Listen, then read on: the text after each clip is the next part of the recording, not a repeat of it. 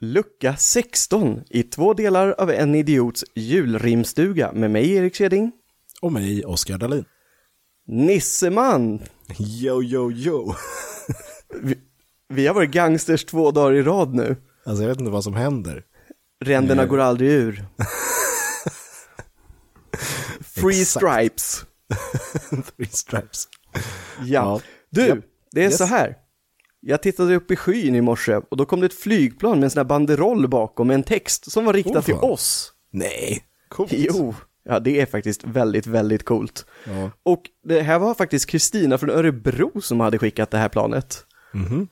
Och det stod så här att Kristina, hon stör sig på grannens julbelysning.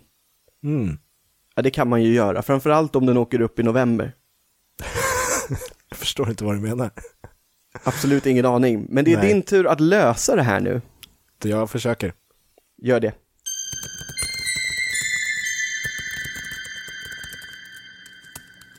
Yes, då är jag tillbaka. ett litet rim och ett julklappstips eh, i slutet. jag gillar julen, men du har gått så långt att jag blir surmulen.